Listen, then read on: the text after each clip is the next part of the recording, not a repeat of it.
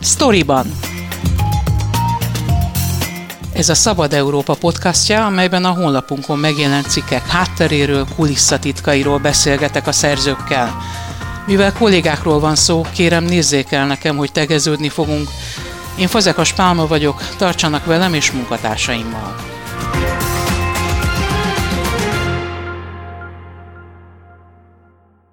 Új podcast sorozatot indított a Szabad Európa messziről jött ember címmel, azzal a céllal, hogy bemutassuk a magyar kormány és az Európai Uniós intézmények közös ügyeit a döntéshozatali folyamatokat, és azt, hogy mi miért történik, és a döntéseknek milyen hatásuk lehet Magyarországra, az utca emberére. Az új sorozatról kérdezem Vovesz Tibort, a Szabad Európa Budapesti irodájának vezetőjét, és itt van a stúdióban Gyévai Zoltán is, a Szabad Európa állandó brüsszeli tudósítója. Először téged kérdezlek, Tibor, 18 éve tagja Magyarország az Európai Uniónak, és noha a Szabad Európa nem 18 éve indult újra, Mégis azért eltelt egy pár év azóta, hogy ismét működünk Budapesten, mégiscsak most indul ez a sorozat. Mi ennek az oka?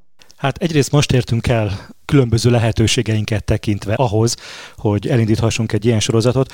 Másrészt meg talán most a legsürgetőbb, hogy tisztálásunk a Brüsszellel kapcsolatos ügyekben, Amióta Magyarország az Európai Unió tagja, két dolog jellemző. Az egyik, hogy nagyon bonyolultak a brüsszeli dolgok, amiket Magyarországról nézve nagyon nehéz megérteni. Hogyan születik meg egy döntés, milyen felmérések, milyen tanulmányok előznek meg egy-egy döntést, illetve hogyan milyen fórumokon megy keresztül egy kérdés, mire odáig eljutunk, hogy abból bármilyen fejlemény legyen. Ez az egyik dolog, ami az elmúlt időszakban, vagy ebben a 18 évben kiderült. A másik pedig, hogy nagyon nehéz hitelesen és objektíven tudósítani ezekről a dolgokról, mint minden politikai kérdésről, hiszen érdekek vannak. És ezeket az érdekeket meg kell próbálni függetlenül, objektíven bemutatni.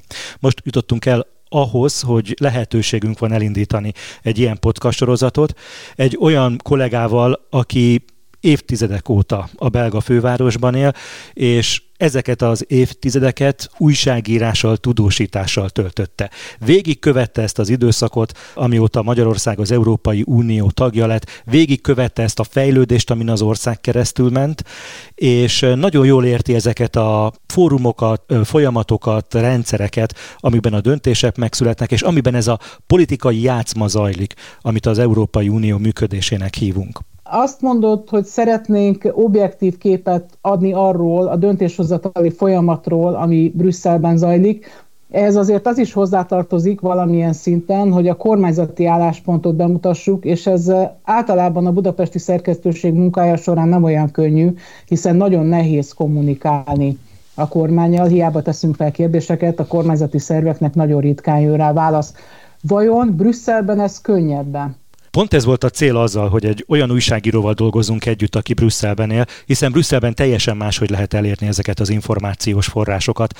Egyrészt nem csak a kormány, hanem az összes többi szereplő is kéznél van, másrészt pedig nehezebb elbújni a sajtó elől, úgyhogy a magyar újságírónak is egy picivel könnyebb lehetősége van arra, hogy információt szerezzen. Remélem, hogy ez Zoltán tudósításaiból, amit a Szabad Európán olvashatnak, illetve ebből a podcast sorozatból is majd kézzelfoghatóan kiderül. Én azt gondolom, hogy azért is fontos, azért is jelentős ezekről beszélni, és egy kicsit így egy lépést hátralépve, egy kicsit az elemzői szemüvegünket elővéve, egy kicsit értelmezve ezeket a folyamatokat, meg ezeket a nyilat nyilatkozatokat, mert hogy nagyon ellentmondásos információk érkeznek most Brüsszelből.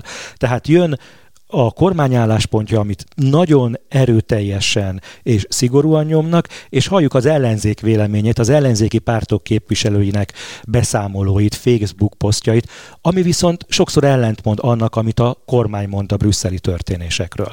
Nekünk az a célunk, hogy megtaláljuk valahol ezek között, az állítások között az igazságot. Tehát, hogy valóban hol tart ez a dolog, valóban mit mondanak róla a képviselők, valóban milyen esélyekkel állunk egy-egy döntés előtt.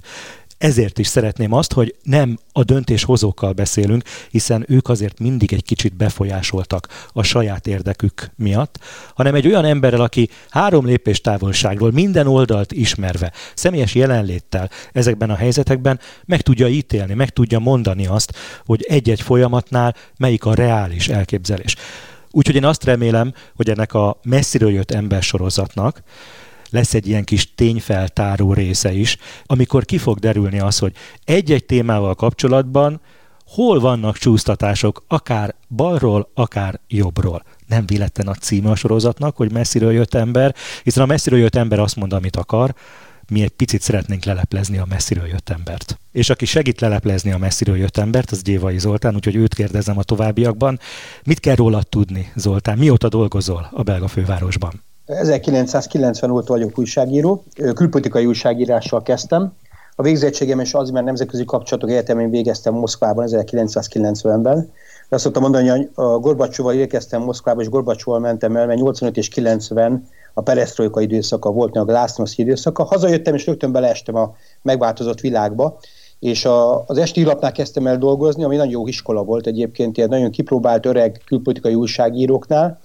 Aztán utána onnan mentem a Köztársaság című heti laphoz, ott rövid időt töltöttem el, mert elszippantott, elszipkázott a magyar hírlap. Hát ők, azóta már sok kanyaron van a magyar hírlap is túl, igen. É, így van, ezt hát én szoktam mondani, ez nem az a magyar hírlap volt, amit most ismerünk. És 97-ben a magyar hírlap úgy döntött, hogy ugye közeledtünk a az Európai Uniós csatlakozási tárgyalásokhoz. Úgy döntött a Magyar Hírlap, hogy engem küld ki, fiatal újságíróként 30 éves voltam, 31 éves voltam, Brüsszelbe megírni a Brüsszel irodát.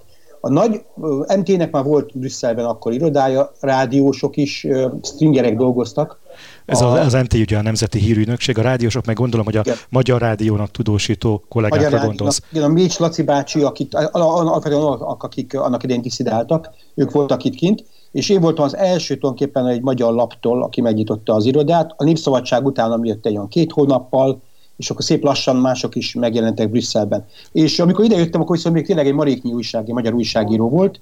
97-ben érkeztem, és rögtön belesodultunk ugye a a NATO csatlakozás, 99-ben léptünk be a NATO-ba, majd pedig ugye 98-ban elkezdődtek a csatlakozási tárgyalások az Európai Unióval. Ezt az egész folyamatot gyakorlatilag végigkísértem, és aztán eljött egy pillanat 2000-ben, amikor egy nagy döntést kellett meghoznom, mert a Magyar Hírlap akkor, Magyar Hírlapnál akkor már elég rosszul alakultak a dolgok, már a budapesti szerkesztőségnél ott egymást váltották a tulajdonosok, és gyakorlatilag elkezdték leépíteni a társaságot, így egyébként a brüsszeli irodát is úgy döntötték, hogy bezárják, és ekkor kaptam egy ajánlatot, egy, egy, felkérést az akkori, akkori MT-s kollégámtól, aki éppen elhagyta az MT-s posztját, az Fóris György volt, hogy csináljunk közösen egy céget, és a közös céggel egy hűdökséget gyakorlatilag, amelynek az lesz a fő profilja, hogy az Európai Unióról tudósít objektíven, pártatlanul Magyarország felé, és, és a, a, a csatlakozási folyamatot tükrözi. Na ez lett a, ez 2000-ben, 2000 óta a Bruxinfo nevű tulajdonképpen két személy által alapított, Foris György és jó magam által alapított hírügynökség, ami több is volt, mint hírügynökségnél, egy elemzőközpont is volt, hiszen évek során ilyen képességekre is szertettünk, és rengeteg anyagot, cikket írtunk, szerveztünk is programokat újságíróknak, akár üzleti vezetőknek is Brüsszelben. A lényeg az volt, hogy az Európai Uniós tudást, anyagot próbáltuk transferálni, hogy ilyen szépen fogalmazzak magyarul, Magyarország felé, különböző csomagolásokban. Ezt csináltuk 20 éve, 20 éven keresztül, egészen egyébként a Bruxinfo egy olyan egy évvel ezelőttig létezett. A cég egyébként megvan, csak maga a szolgáltatás sajnos az megszűnt. Átalakult, igen. Átalakult, Más profilra váltott a cég. Nagyon jól igen. ismerhetik a Bruxinfót a magyar olvasók, hiszen tényleg rengeteg médiumnál jelentek meg a cikkeitek. Hogyan telik egy magyar újságíró napja Brüsszelben? Mennyire nehéz információkat szerezni hivatalosan vagy nem hivatalosan, hogyan kezelik a magyar médiát Brüsszelben? Igen, ugye ez két különböző kérdés. Ugye az egyik az, hogy alapvetően az Európai Uniós kommunikációs teret úgy kell elképzelni, hogy itt mindenki kommunikál. Aki nem kommunikál, az lemond az érdekévényesítésről is. Ezért az újságírók itt egy, egy egészen kivételezett helyzetben vannak. Tehát összesen lehet hasonlítani azzal a körülményekkel, az itteni tér felett, mint ami Magyarországon uralkodik most már hosszú ideje a magyar sajtóban. Itt rendszeresek a hátterek, rendszeresek a, a különböző briefingek, hogy így fogalmazzam, aztán... Ezek azok a háttérbeszélgetések, ahol nem hivatalos van. vagy félhivatalos információt lehet szerezni. Így van, így van. Be kell tartani bizonyos szabályokat, ugye vannak bizonyos szabályok, amiket be kell tartani, ezt mindenki elsajátítja idővel.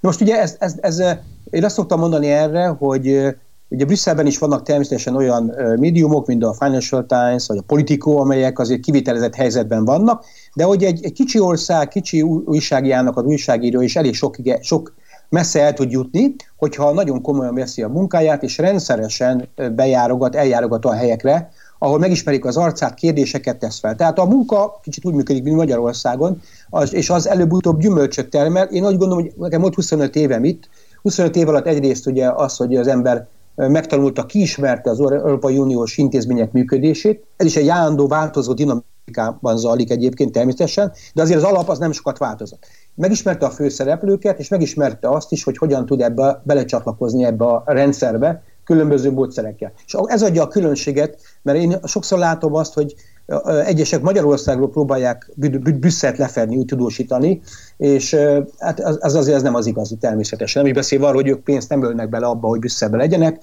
de azért szeretnék eljátszani azt, hogy Brüsszelben van. Szóval nem egészen így működik az itteni. Valóban a brüsszeli újságírásnak van egy sajátos bukkéja, van egy sajátos környezete. Több mint 1000, 1500 újságíró van akreditálva az Európai Uniós intézmények, ez változik a krízis időszakban. Azt kell, hogy mondjam, hogy Brüsszelben nem az a, a fő kihívás, hogy mit írjak újságíróként, hanem mit ne írjak meg. Tudni, annyi, annyi új és új információ jelenik meg, és téma nap mint nap, hogy jó kell tudni szelektálni egy brüsszeli újságírónak ahhoz, hogy, hogy az anyagot ne csak fölvenni tudja, hanem meg is tudja írni.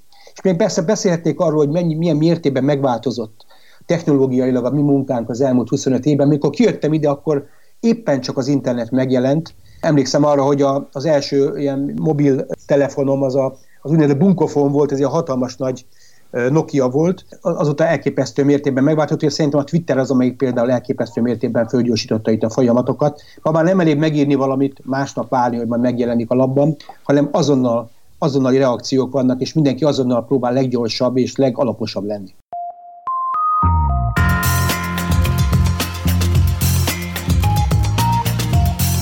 Ez volt a Storyban, a Szabad Európa podcastja, a honlapunkon megjelent cikkek hátteréről, kulisszatitkairól. Én Fazekas Pálma vagyok, köszönöm figyelmüket munkatársaim nevében is.